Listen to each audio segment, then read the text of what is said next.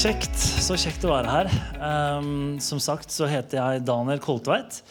Og jeg må bare begynne med å si tusen takk til Kristoffer og til Stine uh, for at uh, jeg ble invitert hit. Uh, og helt siden jeg fikk invitasjonen, så har jeg gleda meg kjempemasse til å komme her og se denne nydelige menigheten. og det er en nydelig menighet. utrolig godt å være her. og Nydelig atmosfære. Folk er så snille. Eh, Eller så er det bare fordi at dere vil eh, gi meg et veldig godt inntrykk. Men det har dere klart, i hvert fall. Eh, så utrolig fint å være her.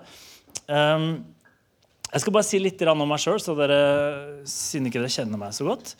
Um, jeg jobber som pastor i Oasen kirka i Søgne og i Mandal. Jeg tror du kanskje får noe på skjermen her. Uh, og uh, det har jeg gjort en liten stund. Og jeg har et hus som eh, jeg bor i sammen med min familie.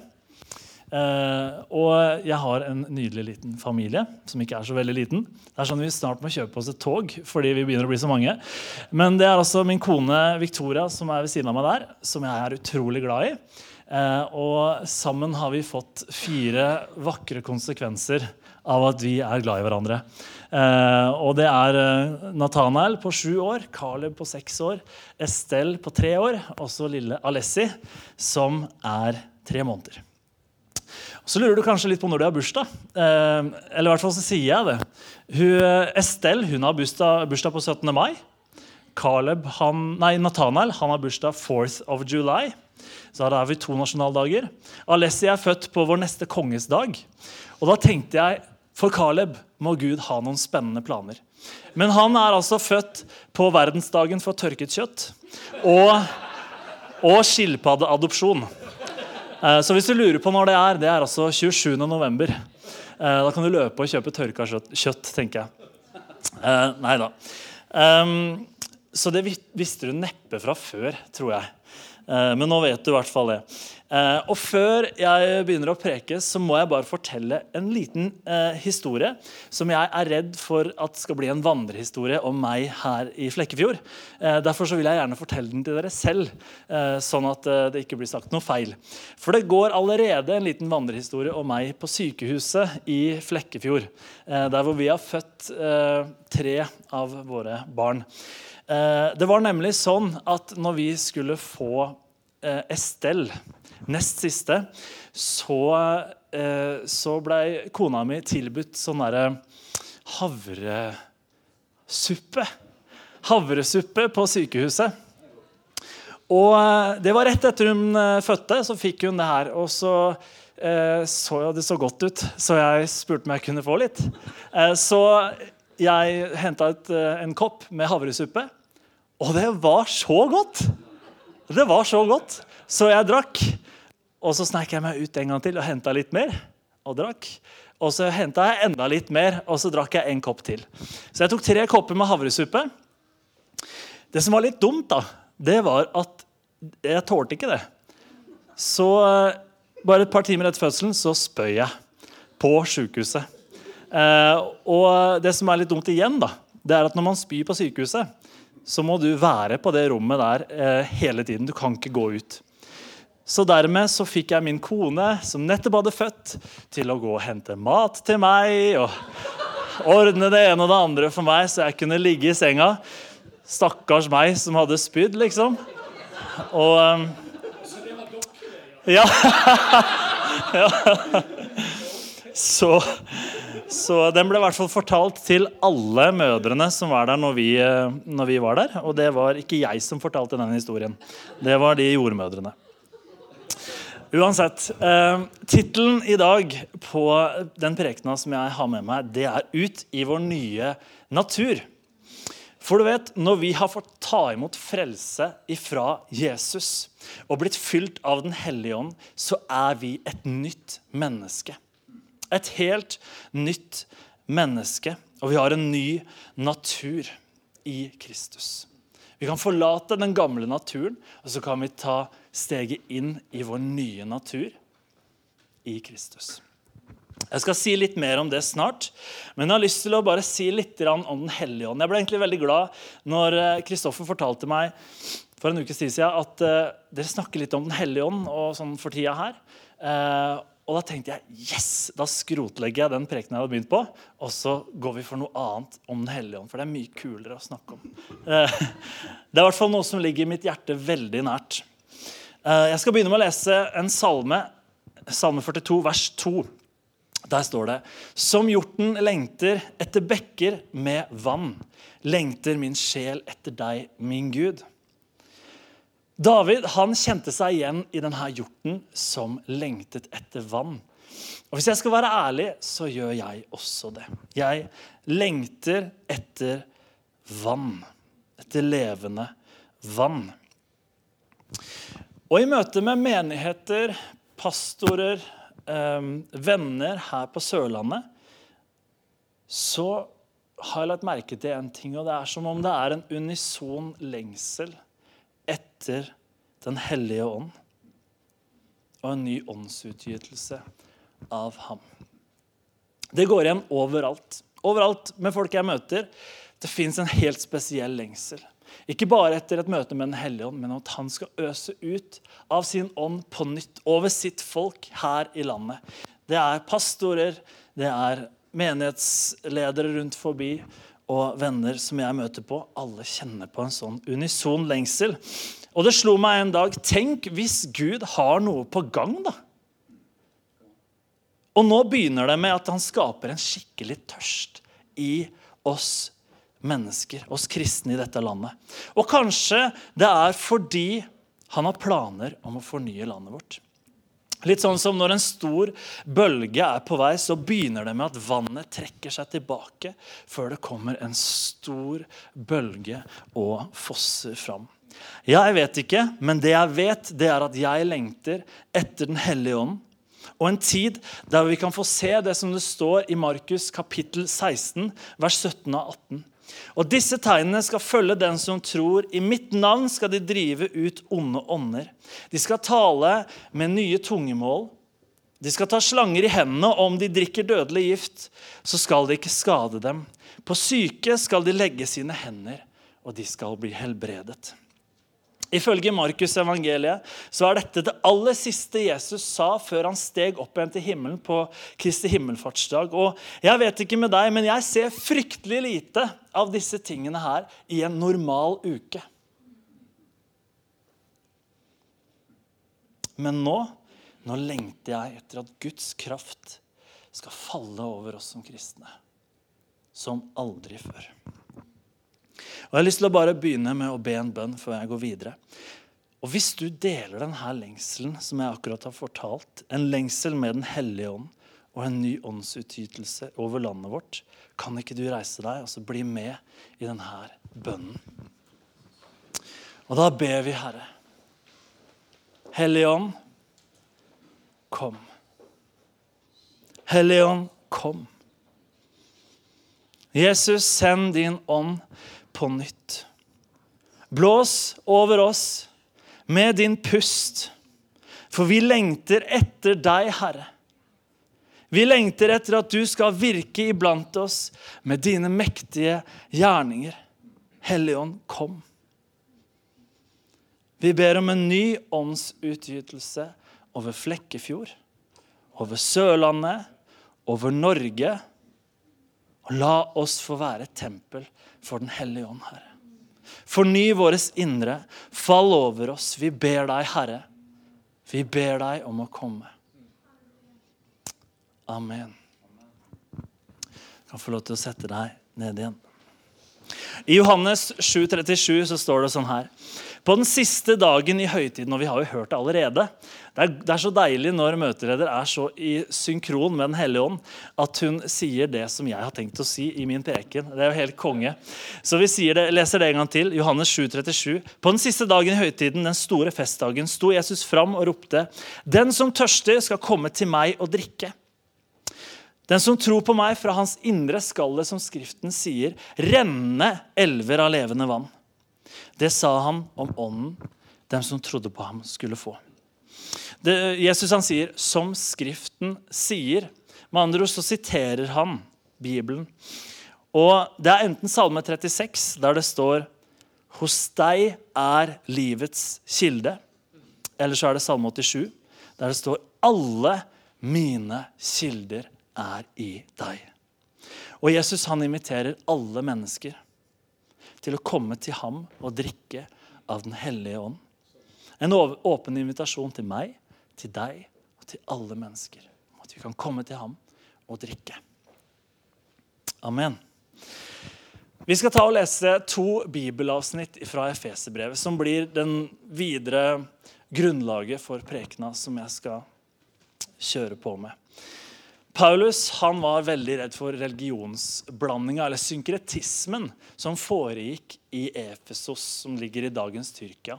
Så når han var fengsla i Roma, så sendte han et brev til de kristne i Efesos. Der hvor han egentlig sammenfatta evangeliet veldig konsist de tre første kapitlene handler om evangeliet og hva vi har i Kristus. Og de neste kapitlene de handler om hvordan dette er ment å prege livene våre. Så Han samla det her for å unngå at de kristne i Efesos skulle trekke inn og blande andre typer religioner herfra og derfra. Og Vi skal lese fra kapittel 4, vers 22-24. Der står det Når det gjelder deres tidligere ferd, så må dere nå avlegge det gamle mennesket som er fordervet ved de forførende lyster. Men bli fornyet i deres ånd og sinn, og ikle dere det nye mennesket, som er skapt etter Gud i den rettferdighet og hellighet som er av sannheten. Ok, Så vi skal altså ikle oss det nye mennesket. Det fins på en måte en eh, menneske volum to som vi skal tre inn i og gå inn i, ikle oss som kristne. For når vi har tatt imot Jesus og latt oss døpe, så kan vi nettopp det her. Vi blir et nytt menneske i Kristus fordi han har tatt på seg vår synd og vår skyld. Og i ham så er vi hellige, og da kan vi gå inn i det nye mennesket. Noe helt nytt og spennende. Uh, vi skal lese et avsnitt til fra kapittel 5, vers 18-20. Der står det Bli ikke fulle av vin, for det fører bare til utskeielser, men bli fylt av Ånden. Slik at dere taler til hverandre med salmer, lovsynger, lovsanger og åndelige viser, og synger og spiller i deres hjerter for Herren, og alltid takker Gud, vår Far. Her står det 'bli fylt av Ånden'. Men de ordene som er brukt på 'bli fylt', det er snakk om en kontinuerlig, vedvarende strøm av levende vann som vi skal om igjen og om igjen og om igjen bli fylt av. Og så står det at vi skal tale til hverandre med salmer, lovsanger og takkebønner. Eh, og det er ikke sånn at vi, når vi er fylt av ånden, så skal vi alltid synge. Dattera mi hun synger alltid. Eh, og jeg skal love deg, Det er ikke alltid like åndsfylt, det hun kommer ut med. Eh, baby shark, du, du, du, eller hiv ohoi, sånne ting. Det er ikke like åndsfylt hele tiden. Men det her handler ikke om at vi skal synge hele tiden, men det er, det er en hjertetilstand. At våre hjerter synger. Lovsanger til Gud. Viser til hverandre. Takkesang. Det er en hjertetilstand. Så Gjennom disse her to avsnittene som vi akkurat, har lest, så sier Paulus han sier mange ting, men han sier to viktige ting. Nummer én ikle dere det nye mennesket. Og nummer to bli fylt av ånden. Og Når vi gjør disse tingene, så går vi ut i vår nye natur. Og det er det vi skal snakke om i dag. Men vet du hva jeg har tenkt på som er ganske morsomt? Egentlig et morsomt bilde på akkurat disse to tingene. Det er puberteten. Um, jeg merker at alle får en sånn litt sånn, litt sånn smil i, uh, i, kinnet, men tør ikke å le helt høyt når jeg sier det ordet. og Det er fordi det henger igjen fra, fra puberteten. For det var det så flaut å snakke om disse tingene. Neida, men det minner meg litt om puberteten. For vi skal på en måte, som i puberteten, da vi ikledde oss det nye mennesket, eller det nye hårete mennesket, som på en måte det blei, ehm, så skal vi ikle oss det nye mennesket. Og det var ikke sånn at man nødvendigvis ble fylt av Den hellige ånd i puberteten, men man ble fylt av en kontinuerlig, vedvarende strøm av hormoner så til de grader. Så jeg syns puberteten er et ganske morsomt bilde på, uh, på det her. Er det noen som har vært i puberteten? Skal forklare deg. Så bra. Jeg vet ikke om du husker så mye fra puberteten, men jeg husker i hvert fall litt. Og det var at jeg husker det var mye mer spennende å kikke i speilet en periode enn å se på TV. Eh, og Det er så fascinerende med puberteten. Man går fra å være en barnekropp til å, å få en voksenkropp på bare en veldig kort tid. Eh, og det som er veldig artig med det, det er at det skjer så utrolig usynkront. At plutselig så kan armene bare fjo, Så får du kjempelange armer, mens resten av kroppen henger ikke etter. Eller så vokser ørene bare plutselig ut. Eh, noen får en svær kropp men en kjempeliten barnestemme fortsatt. Og noen har en liten barnekropp og veldig dyp stemme. Eh, det minner meg egentlig om sånne vandrende Picasso-malerier. Eh, men heldigvis så er det noen flotte malerier likevel. Eh, det er en artig periode. Uansett, det her var litt om puberteten. Det minner meg litt om det. Men vi snakker om vår nye natur. I Kristus så er vi et nytt menneske. Og ved Den hellige ånd så har vi en helt ny menneskelig natur som vi kan utforske. Og Det er på mange måter en forsmak på hva som vil skje i himmelen når vi skal få nye kropper det blir en ny himmel, det blir en ny jord, og vi skal også få noen nye kropper. Så det er en slags liten forsmak på det. Og I Lukas kapittel 10 så kan vi lese at Jesus han har personlig tilsyn med de første disiplene som får utforske sin nye natur. For han sender nemlig ut 70 disipler, ber de gå til 35 forskjellige byer der de skal helbrede alle de syke som de treffer på.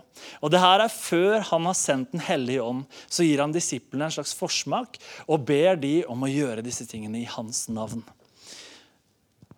Og Når de da kommer tilbake igjen, så sier de til Jesus Jesus, det her var helt rått. Ikke bare helbreda vi syke, men demoner måtte også fly i ditt navn. Wow! Og så får de en sånn sjuk opplevelse, kommer tilbake til Jesus og sier det virka jo, de greiene du snakka om, det virker jo. Og det her det blir en slags forsmak på hvordan det skulle bli når Jesus senere gikk bort og sendte Den hellige ånd til alle mennesker. Og Jeg har lyst til at vi nå skal ta og utforske litt hva vi har i denne nye naturen som vi kan gå inn i. Det nye mennesket som vi kan ikle oss.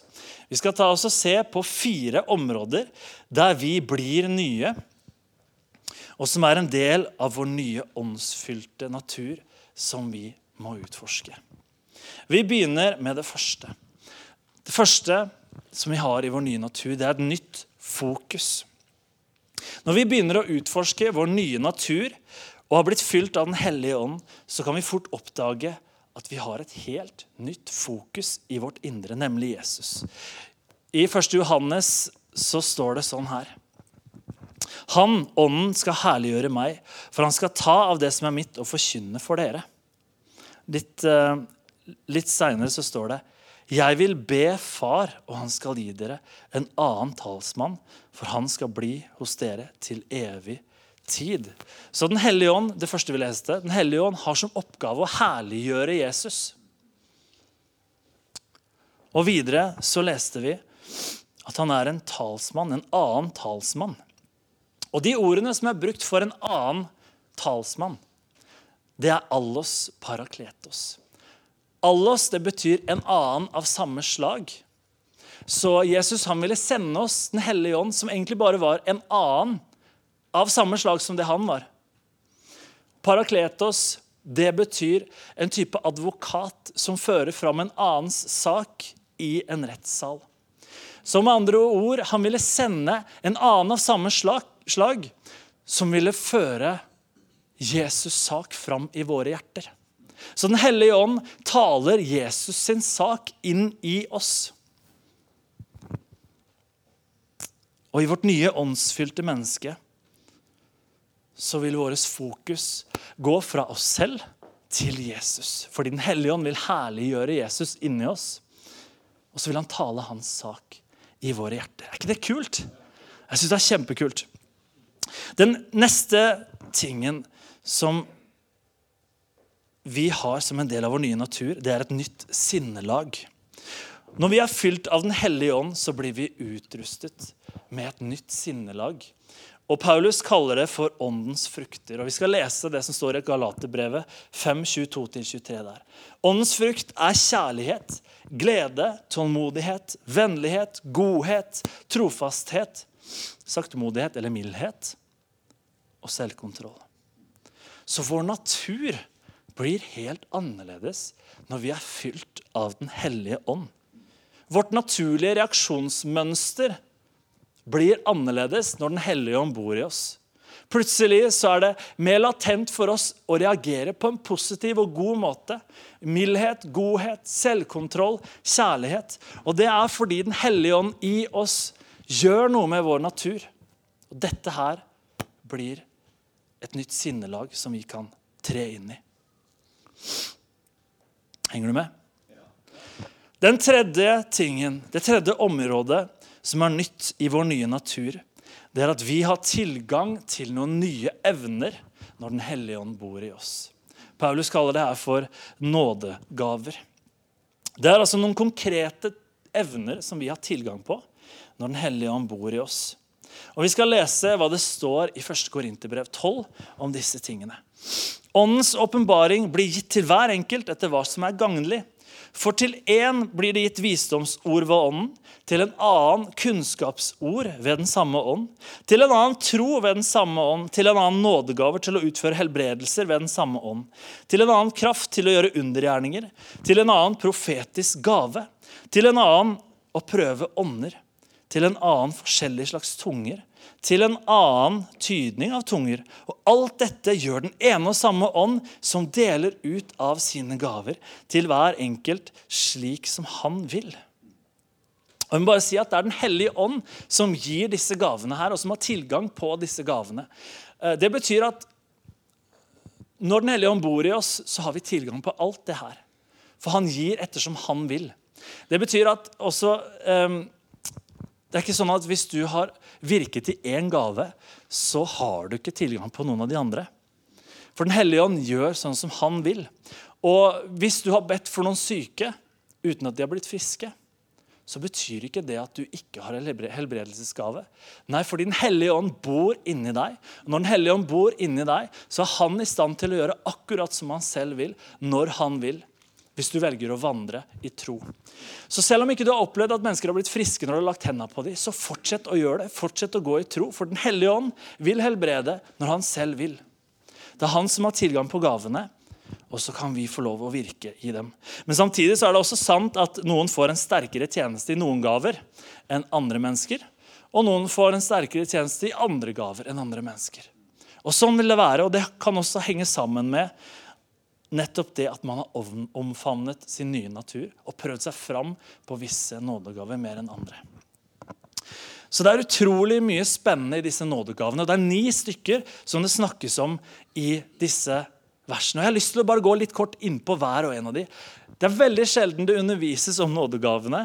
Eh, og det synes jeg er helt pussig, fordi at dette er noe som vi er ment å gå i og vandre i, og som skal være med på å peke på Jesus og herliggjøre Jesus og som skal hjelpe oss til å nå mennesker med evangeliet, og at folk skal forstå at han er virkelig. Han fins i dag. Gud er ekte, han virker. Han gjør ting iblant oss.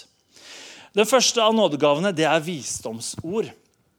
Eh, og I samtale med, med mennesker så kan denne gaven komme til uttrykk ved at du plutselig får en åpenbaring i ditt indre. Du kan få et bilde, du kan få um, et ord, et bibelord. Kanskje du kan få en følelse eh, noe som gir deg innsikt fra Gud i en situasjon.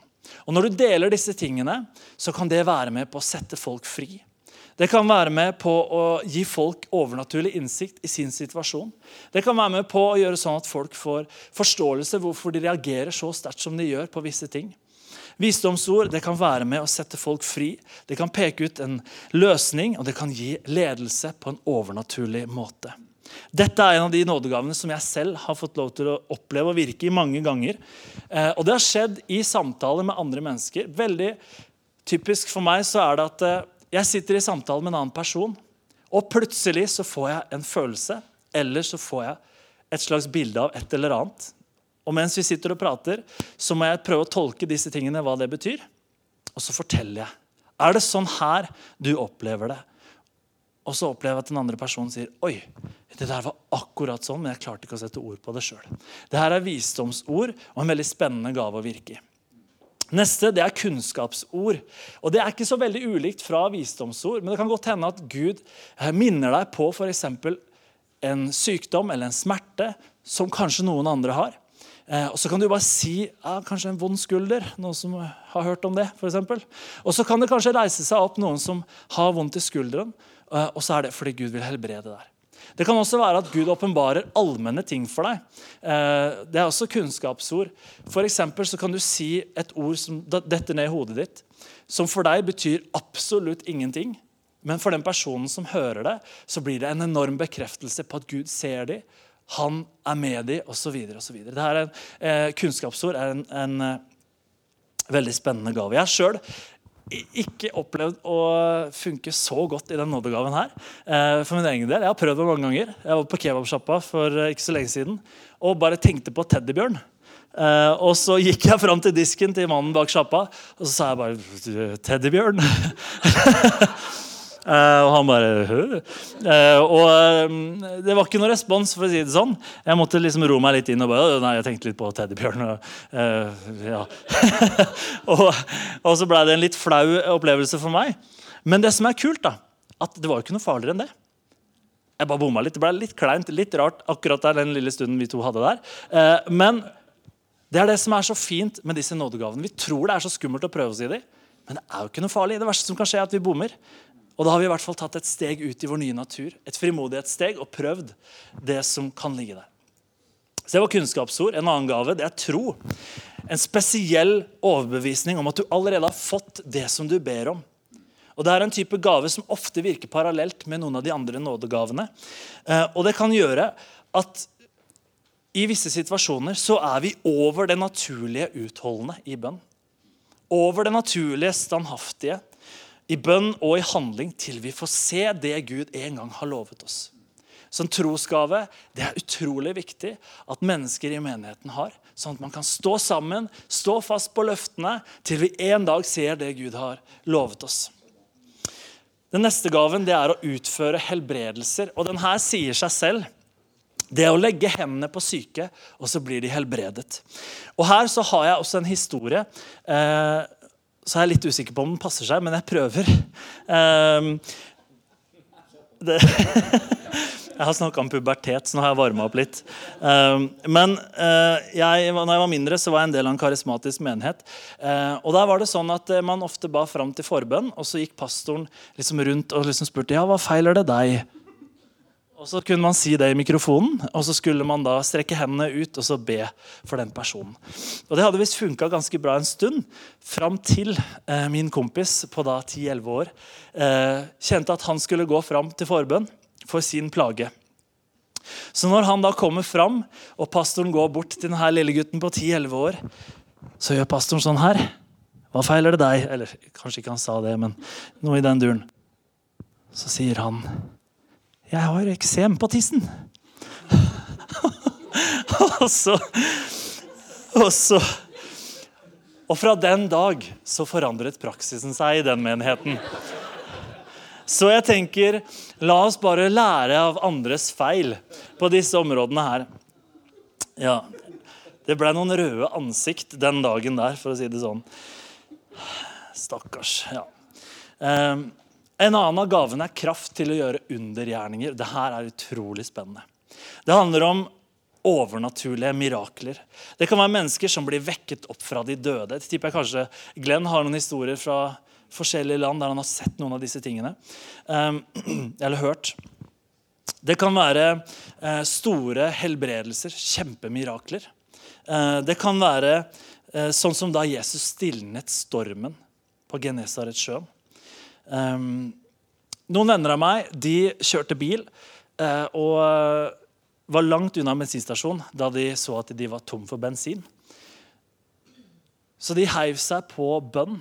og sa Herre, nå må du bare komme og gjøre noe i den situasjonen her. Uh, og mens de ba, så så de at uh, drivstoffmåleren bare beveget seg oppover helt til maks. Det er en type under som kan skje. Og jeg tenker, Hellig Ånd, jeg er åpen for at du er min kilde til drivstoff. Amen. Måtte du gi meg diesel hver eneste dag. Spesielt i disse tider. Så Det er en utrolig spennende gave som man kan virke i. Og du vet Det er sånn med disse gavene at vi kan be Den hellige ånd om spesifikke gaver, og så vil han gi oss sånn som han vil. Utrolig spennende. En annen gave profetisk gave. Her kan man få et budskap fra Gud der man har fått en eh, åpenbaring om noe som kommer til å skje. Eller som kan komme til å skje hvis man velger å handle på Guds ord. Det kan også være advarsler om ting som vil skje hvis man ikke omvender seg eller ikke handler på Guds ord. Også Dette er en utrolig spennende nådegave.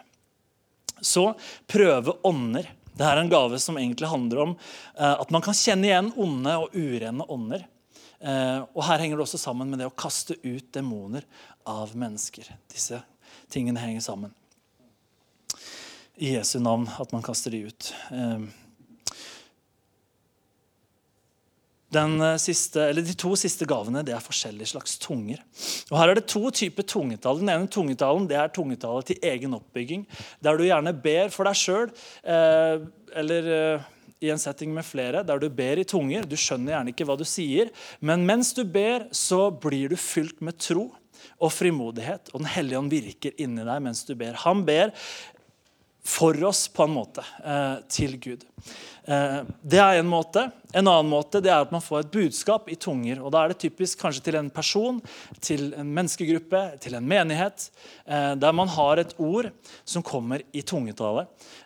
Og da er det sånn at man skjønner gjerne ikke hva som blir sagt, men man er avhengig av den siste gaven her. At den reiser seg, Det er den som har gaven av å tyde tunger. Og De vil da tyde et budskap som er fra Gud, til menigheten eller enkeltpersoner. Og det kan, være, det kan være tunger som handler om lovprisning av Gud. Men det kan også være budskap som er rett inn i et menneskes situasjon eller liv. Så det var tunger. Bare nevne det kort der også at min kone hun har opplevd en gang å stå i en bønnegruppe sammen med noen eh, fra andre land. Og hun ba i tunger. Eh, og så viste det seg at når hun åpnet øynene sine igjen, så sto det en mann der som gråt, som opplevde at hun hadde snakket på bengali, som, som var det språket som han hadde. Han var fra India. Så Hun ante ikke hva hun sa, men hun sa noen hemmeligheter som bare han og Gud visste om, som forløste hans situasjon der og da. Det går også an. Når det er sagt, kan jeg anbefale deg å øve litt på det før du går til et annet land og kjører på med tungetallet. Eh, prøv det òg, for all del. Eh, men da må du filme, så jeg kan få se. Eh, dessverre så er det sånn at mange menigheter er veldig enspora på hvilke nådegaver som, eh, som er i, i, aksjon. Noen steder så kan det være tungetallet, og bare tungetallet det handler om. Andre steder så kan det være at det er bare kunnskapsord som kommer fram.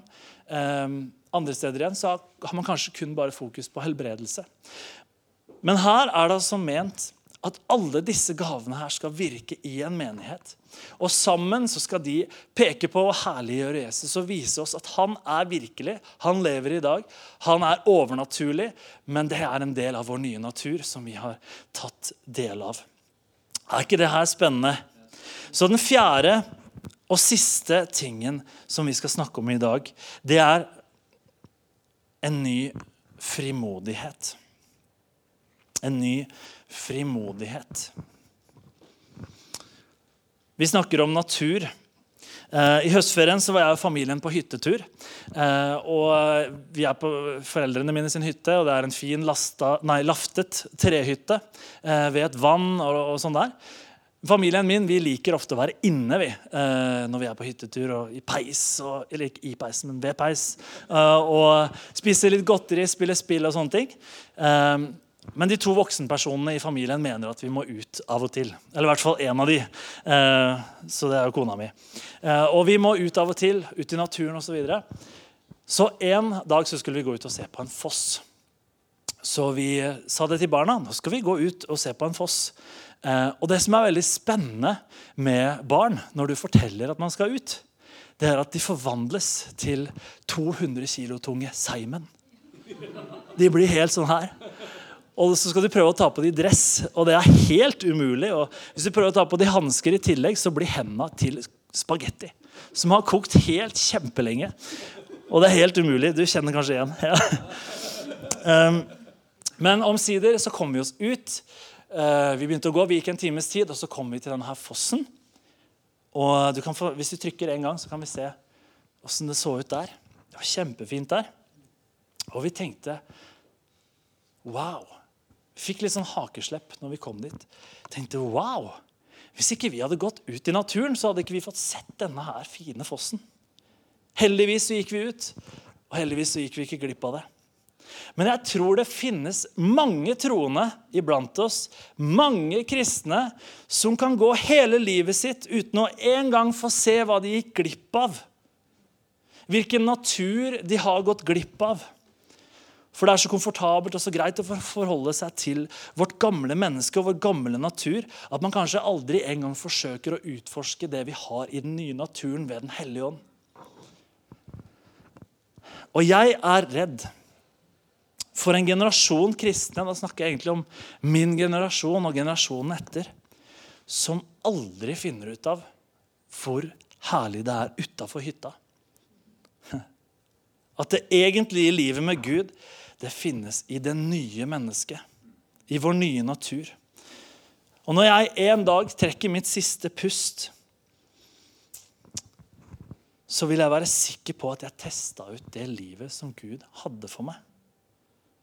Det livet han hadde tenkt at jeg skulle leve. Et liv i det nye mennesket, fylt av Den hellige ånd, i en kontinuerlig strøm av hans kilde, med et nytt fokus, med et nytt sinnelag, med nye evner og med ny frimodighet. Slik at jeg ved livets slutt kan tenke wow. Tenk hvis jeg ikke hadde tatt det steget ut. I Apostelens gjerninger 4 så kan vi lese om da Peter og Johannes hadde blitt arrestert. og De fikk strenge forbud. At De får ikke lov til å snakke om Jesus og heller ikke gjøre noen ting i hans navn. De ble redde, og de dro da ned til de andre kristne. De samlet seg om en samstemt bønn til Den hellige ånd om at han måtte gi dem frimodighet på tross av disse truslene. Og Vi kan lese i Apostlenes gjerninger 4.31 hva som skjedde. Der står det. Da de hadde bedt, skalv stedet hvor de var samlet, og de ble alle fylt av Den hellige ånd og talte Guds ord med frimodighet. Den hellige ånd gir oss frimodighet. Og hva er det motsatte av frimodighet? Jo, det er å være tilbakeholden. Jeg tror det finnes noen frykter som ønsker å holde oss tilbake fra å ikle oss det nye mennesket og vår nye natur. Og noen av de fryktene Den ene tror jeg kan være frykt for hva andre vil tenke. Hva vil han eller hun tenke hvis hun oppdager at jeg begynner å gå ut i min nye natur og teste ut nådegavene, be for syke, ha et kunnskapsord? Hvor teit kommer jeg ikke til å se ut da? Og så, videre. og så er det her kanskje en frykt som holder meg unna det å oppleve noe av det råeste et menneske kan oppleve. Bare tenk deg her på jorda. Hva kan være det råeste å oppleve for et menneske? Jeg tror det må være å samhandle med Gud selv. Og disse fryktene de vil holde oss unna muligheten å oppleve å samhandle med Gud. Så den ene frykten det er frykt for hva andre vil tenke. En annen frykt det kan være frykt for at Gud svikter oss. Kanskje at når vi ber for noen, så blir de ikke friske. Eller vi hadde tro for denne tingen, og så skjedde det ikke. Sånne her ting vil holde oss tilbake. Det er ikke alltid så lett å forklare og forstå når og når Gud ikke griper inn. Og det vil ta vekk vår frimodighet. Frykt for at Gud svikter oss. Men så fins det en annen frykt også. Frykt for at Gud ikke svikter. Kanskje Den hellige ånd faktisk taler. Kanskje han faktisk veileder. Kanskje jeg faktisk får et helt nytt fokus i livet mitt. Et helt nytt sinnelag. Kanskje jeg faktisk får noen helt nye evner, og kanskje nådegavene faktisk funker. Kanskje når jeg ber for noen syke, så blir de helbreda. Det høres skummelt ut. Og så tenker vi kanskje ok, hvis det her faktisk funker, da må jeg jo forlate det gamle mennesket. Men det har jeg kanskje ikke så veldig lyst til. Og så blir det kanskje en slags frykt for det ukjente som holder oss tilbake igjen fra å oppleve det Gud egentlig har for oss. Det fins noen frykter. Skal vi ta oss og reise oss opp. Jeg vet ikke om noen av disse fryktene her eh, er reelle for deg, eller om du kjenner igjen noen av de tingene i ditt liv. Men felles for disse fryktene er at de vil holde oss unna det kraftfulle og spennende livet som vi er ment å leve i vår nye natur, i samhandling med Gud hver eneste dag. Så hva var det disiplene gjorde i møte med frykten fra, fra fra, for truslene fra det høye råd? Jo, de kom sammen. De ba samstemt og kraftfullt om at Den hellige ånd måtte komme og gi dem frimodighet på tross av frykten. Og nok en gang så begynner jorda å riste. Fordi Den hellige ånd kom så sterkt på dette stedet. Som jeg sa i innledningen, jeg lengter etter en ny runde med Den hellige ånd. At vår generasjon og neste generasjon skal gjenoppdage nådegavene. At Gud skal sprenge alle våre grenser for hva vi trodde var mulig å gjøre i hans navn. Og hvorfor lengter vi etter det? Jo, fordi han trenger å gjøre noe iblant oss. Så, vi kan vinne dette landet tilbake igjen, som er så på vei vekk fra Gud. Så mitt spørsmål i dag det er lengter du etter et liv med Den hellige ånd? Og er du klar for å ta steget ut i din nye natur? Og Jeg har bare lyst nå til å, til å invitere deg fram her. Så kan noen legge hendene på deg og be for deg. Hvis du kjenner jeg har lyst bare å markere for Gud at jeg vil ta steget ut i min nye natur. Og Mens vi gjør det, så skal jeg ta og synge en sang som jeg skrev for et par uker siden. Som egentlig bare er et uttrykk for denne lengselen som jeg og jeg tror mange bærer på.